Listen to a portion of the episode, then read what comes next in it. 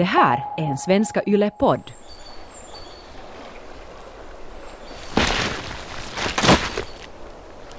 Vi slog läger vid en udde.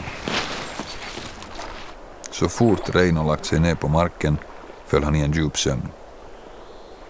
Jag kapade några ruskor från en närliggande gran och inrättade en primitiv bädd.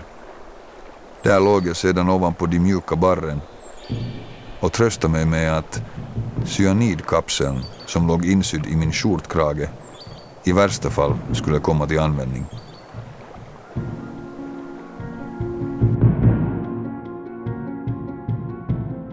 I början av 50-talet kastar kalla kriget sin kyliga skugga över Finland. Men för att hålla sig ajour med vad som hände bakom östgränsen och för att avvärja en eventuell attack inleds en hemlig operation där norsk underrättelsetjänst har en central roll. Du lyssnar på del tre av Svenska Yles podcast Operation Uppsala Berättelsen om en finsk spion. Mitt namn är Petter Lindberg.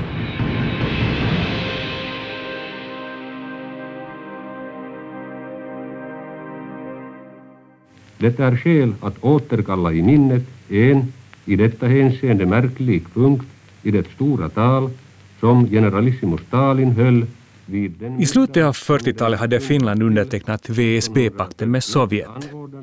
med anledning av vänskaps- och biståndspaktens tillkomst.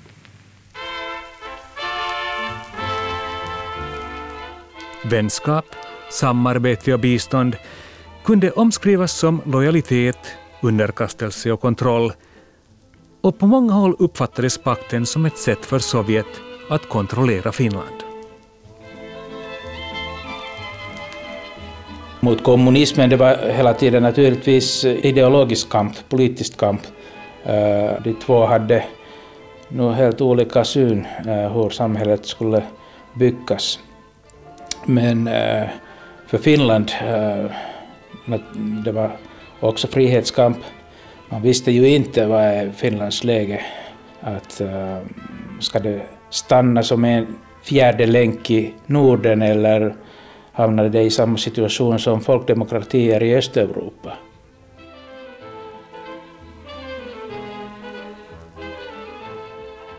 Det politiska läget är känsligt i slutet av 40-talet, konstaterar historikern Mikko Majander. Inte bara Norden utan hela världen håller på att delas upp i USAs och Sovjets intresseområden. Kalla kriget som ett eh, internationellt eh, politiskt system, det hade inte etablerats. just i dessa tider man kämpade att hurdan ska det vara? Finns det någon balans? Man talade senare på 60-talet nordiska balansen och så vidare. Det fanns inte eh, på 40, sen 40-talet, tidigt 50-talet ännu. Att, framtiden var öppet så att säga. Framtiden är öppen för Finland.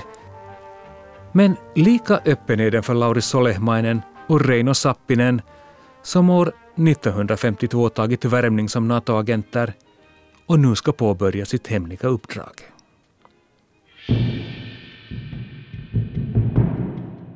Lauri har på våren värvats av norska NATO-allierade agenter för ett spaningsuppdrag till Murmansk.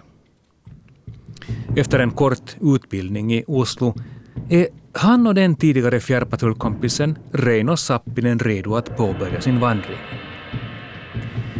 I Murmansk har de fått i uppdrag att registrera och fotografera flygfält, järnvägsbyggen och allt som liknar militär verksamhet.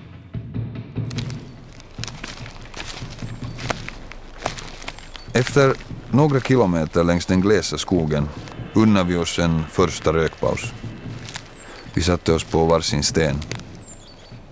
Ur ryggsäcken grävde jag fram en pistol och 50 patroner och gav den till Reino. Pistolen stack han i byxlinningen och patronerna i fickan.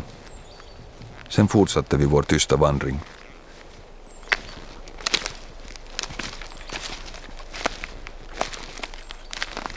Tre dagar senare var vi framme vid den ryska gränsen. En stig korsade gränsen i nordlig riktning men vi fortsatte rakt österut tills vi nådde följande stig.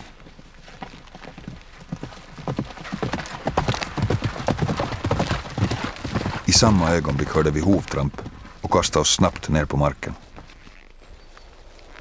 Två ryska gränssoldater red makligt förbi på 20 meters avstånd. Jag tittade på Reino och såg hans lättnad. Som fjärrpatrullsmän var vi vana vid överraskningar men det var länge sedan vi båda hade tjänstgjort. När ryttarna avlägsnat sig fortsatte vi att vandra tills vi kom fram till ett vidöppet område som såg nyröjt ut och förmodligen användes av ryssarna för att avslöja obehöriga gästers fotavtryck. Jag gjorde tecken åt Reino att avvika åt vänster och försiktigt tog vi oss vidare tills Reino gjorde mig uppmärksam på följande fälla. En snubbeltråd som genast hade avslöjat vår position. Jag tror inte att vi ska testa deras beredskap, sa Reino och klev försiktigt över tråden.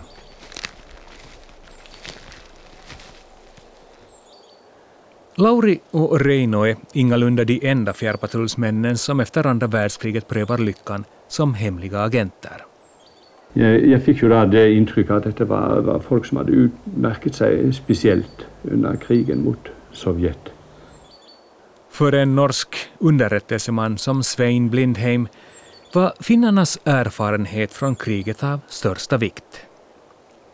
Män som under andra världskriget rört sig på sovjetisk mark hade erfarenhet och sakkunskap och kunde med lätthet utföra liknande operationer under fredstid, resonerade man. Dessutom kände de gränstrakterna som sina egna fickor, säger forskaren Heidi Ruotsalainen.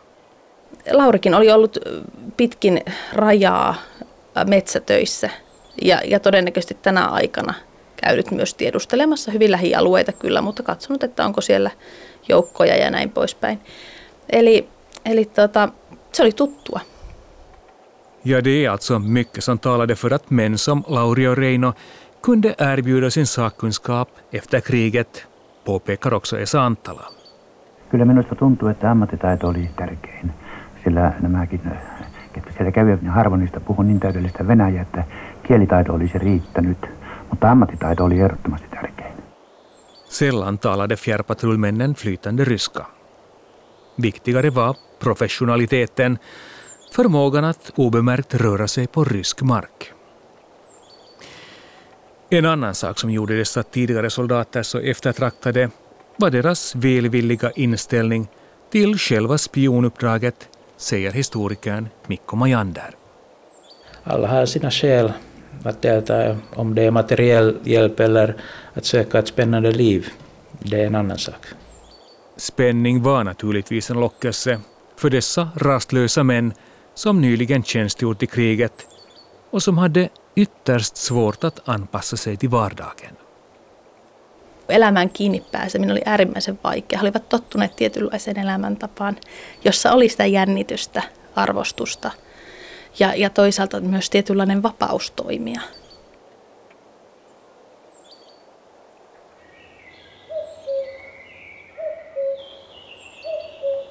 Vi hade vandrat flera timmar i den milda sommarnatten.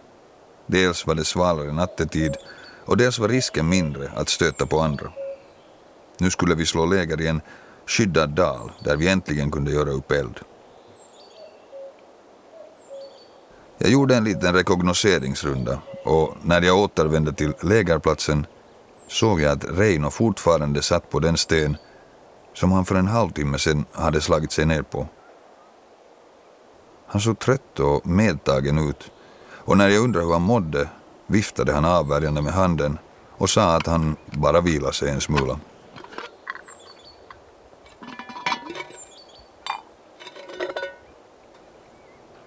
Jag lät honom hålla så började istället förbereda frukosten. Om ni vandrar 20 kilometer om dagen räcker maten gott och väl, hade Paavo sagt när vi skildes i skogsbrynet för tre dagar sedan. Vi hade alltså förnödenheter för tio dagar, tänkte jag och hoppades att Paavo haft rätt i sina beräkningar och att vi inte skulle stöta på några oväntade motgångar som kunde fördröja vår resa.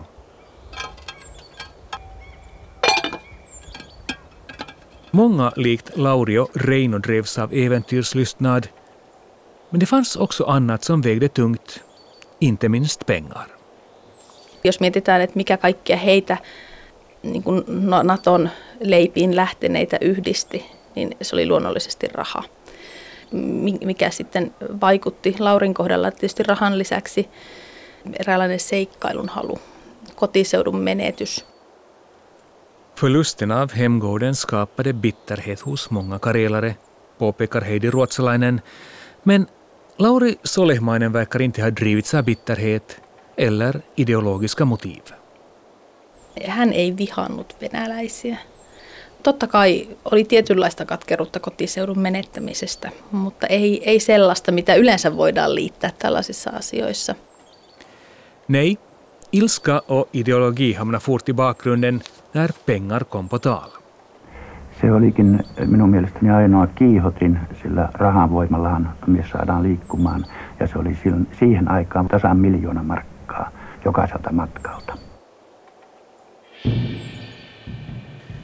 Den utlovade belöningen på en miljon mark utgjorde nog den största enskilda lockelsen för många finska spioner, säger författaren Esa Antala. Och på den punkten utgjorde Lauri och Reino knappast något undantag.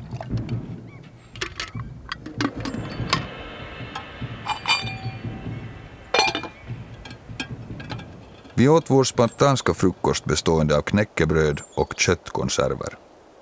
Reino såg blek ut och svettades och när jag tänkte efter hade han de senaste dagarna varit både frånvarande och långsam.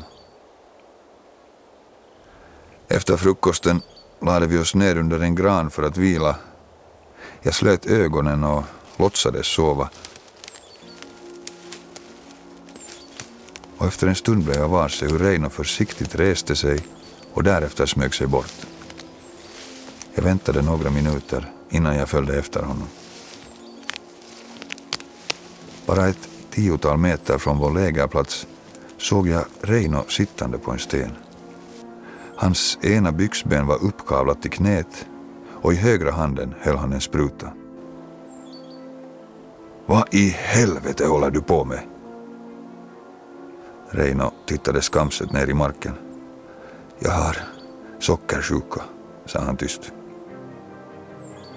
Jag tittade argt på min kamrat som undanhållit mig denna viktiga information. Hans hemlighetsmakeri kunde äventyra hela expeditionen. Varför har du inte sagt någonting? Lyckades jag till slut fråga när den värsta ilskan lagt sig. Du skulle inte ha tagit med mig. Och du ska veta Lassi, att jag behöver de här pengarna. Precis som många krigsveteraner hade Reino en usel ekonomi. Därför är han beredd att offra sin hälsa och tillika utsätta sin kompis för livsfara. Pengar har ändå alltid fungerat som drivmedel och drömmen om att återgå till ett normalt liv måste ha vägt tyngre än hälsan och riskerna när Reino övervägde alternativen. Mitä oli odotettavissa tulevaisuudessa, kun se palkki oli käytettävissä? Sillä pystyi, pystyi ostamaan sitten autoa tai maksamaan maatilaa tai, tai tällaisia niin ihan normaalin elämän kulmakiviä. För en halv miljon var kunde Lauri och Reino få ordning på sina liv. De kunde köpa sig en bil eller ett litet landställe och äntligen slå sig till ro.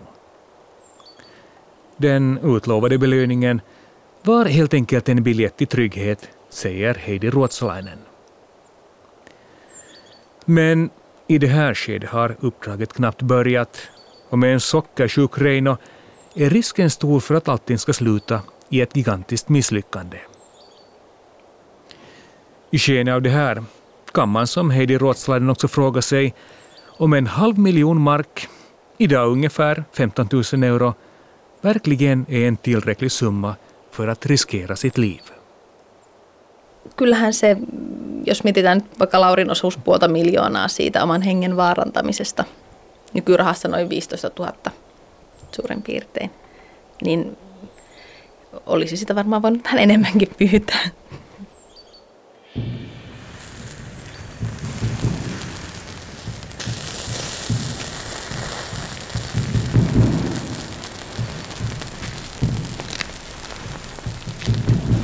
Efter Reinos avslöjande var stämningen dämpad. Vi fortsatte vidare österut, även om det gick långsamt och vi båda insåg att maten inte skulle räcka till hemfärden.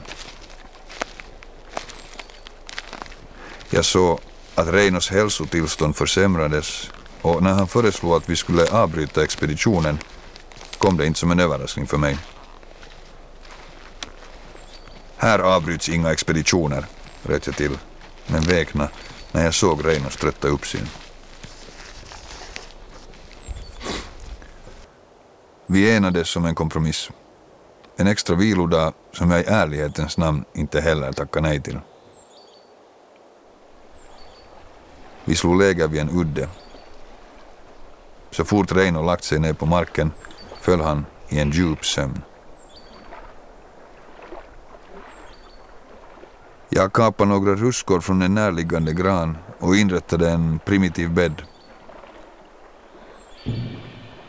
Där låg jag sedan ovanpå de mjuka barren och tröstade mig med att cyanidkapseln som låg insydd i min skjortkrage i värsta fall skulle komma till användning.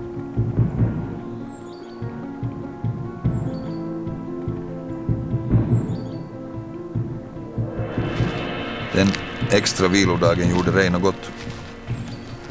Vi lyckades ta oss över Luttojoki med hjälp av en enkel flotte och på andra sidan upptäckte vi telefonstolpar som var lätta att följa. För en gångs skull hade vi lite tur, tänkte jag och sneglade på Reino. När vi vandrat i tre dagar fick vi syn på en liten by. Enligt mina beräkningar hade vi redan tillryggalagt 100 kilometer. 40 återstod till Murmansk.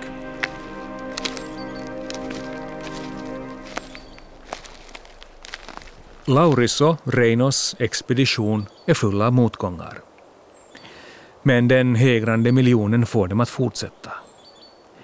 Kanske vetskapen om att norrmännen i Helsingfors verkar lita på dem också ger dem extra krafter. Jeg husker at uh, eh, denne kontaktmannen ved ambassaden han presiserte stadig vekk at dette var eh, uh, fremragende soldater fra, fra, fra krigens tid. Var, han kalte dem alltid for Mannerheim-riddere. Svein Blindheim minns i en intervju från 1977 att finnarna omtalades som krigshjältar och Mannerheim-riddare och i gengäld verkar också de finska agenterna ha litat på sin spionchef Magnus Bratten, som de kallade för Kalle eller Matti, och som försåg dem med pengar.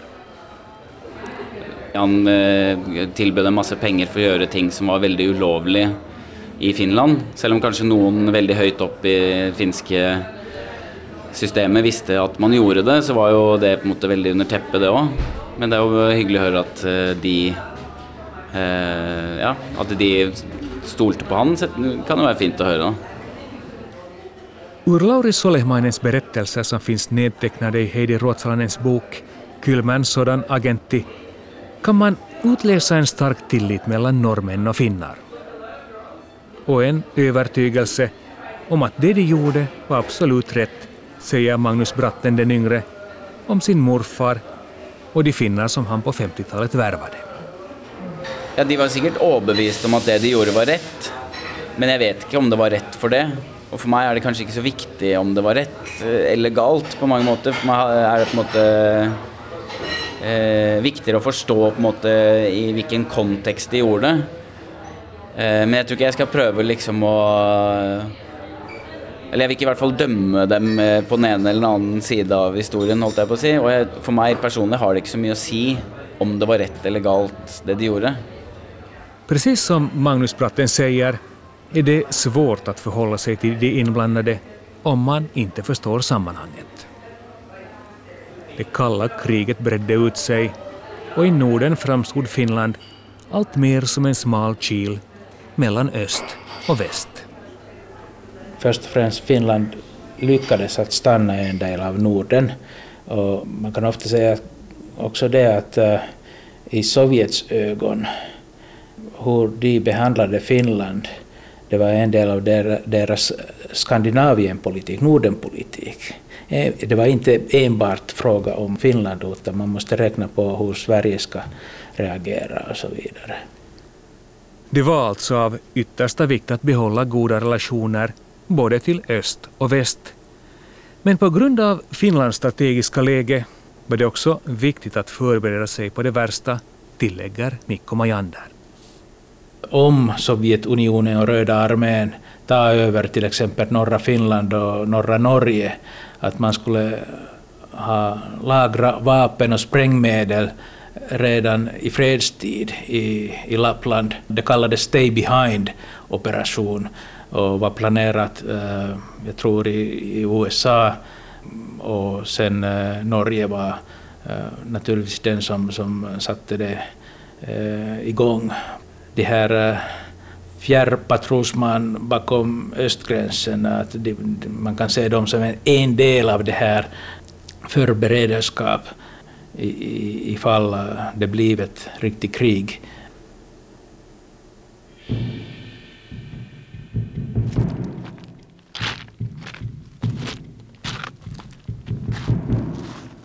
I början av juli var vi äntligen framme i Murmansk.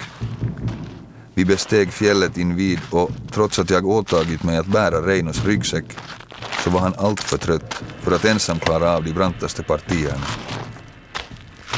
Långsamt bar det uppför, men till slut nådde vi toppen. I samma stund som vi nådde fjällkrönet drog en vindil över oss som med en enda gång svepte bort molnen som hittills dolt vår framfart. Det var som om någon dragit upp en rullgardin. Instinktivt kastade vi oss till marken. Och tur var det för alldeles invid oss reste sig ett ryskt vakttorn. Till all lycka var det obemannat och både jag och Reino kunde andas ut.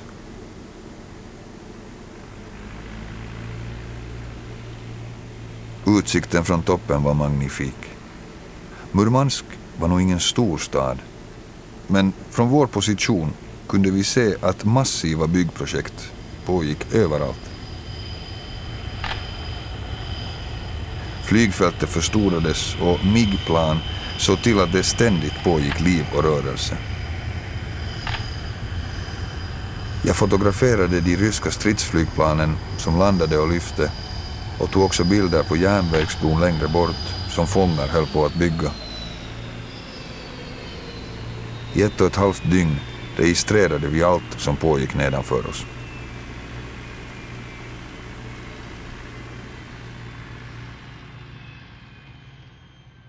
Kaikki siis sabotaasityöt ja kaikki sellaiset oli kiellettyjä, mutta ainoastaan kaikki sotilaiset kohteet, niiden tarkastelu, lentokentät ja kaikki, mikä sotilaskohteisiin kuuluu, niin kaikki ne olivat tehtävänä. Finska spioner fick inte utföra sabotage, endast iaktta och registrera, säger författaren Esa Antala. Det viktigaste målet i Murmansk var utan tvivel flygfältet och aktiviteten där. Se, mikä sitten taas NATOa ja Yhdysvaltoja ja Brittejä siinä, siinä kiinnosti, oli nimenomaan Neuvostoliiton lentokentät, rautatiet, satamat ja muut tällaiset alueet, joita, joita oli hirveän vaikea seurata muuten. Lauri och Reino gör precis som de blivit instruerade och fotograferar strategiska mål för att tillfredsställa uppdragsgivaren. De hade ju tilldelats den tidens mest avancerade utrustning, säger Esa Antala. Kameroita oli parikin kappaletta ja erittäin hyvää laatua vielä erikoiskameroita, millä, millä todella sai hyviä kuvia. Sitten oli tietysti henkilökohtaista puolustusta varten ase ja ruokatavarat ja koirien varalta tietysti omat lääkkeensä, ettei koirapartiot pysty tulla kulkemaan perässä ja Tämä nyt sellaiselle matkalla yleensä tarvitaan. Framgången borde alltså inte ha äventyrats på grund av bristfällig utrustning, säger Santala. Kameror, vapen, mediciner att förvilla eventuella spårhundar borde ha garanterat en lyckosam expedition.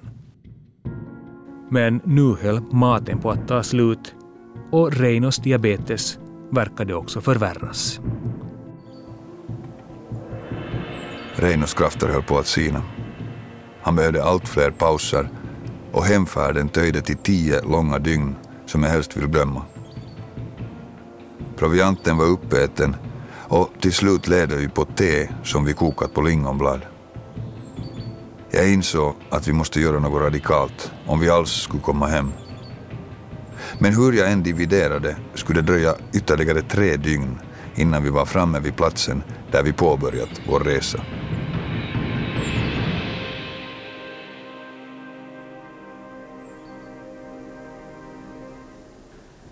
Hur ska det gå för Lauri och Reino? Kommer de att ta sig hem? Och får de någonsin den utlovade belöningen på en miljon mark? Det framgår i del fyra av Yles svenska podcast Operation Uppsala, berättelsen om en finsk spion.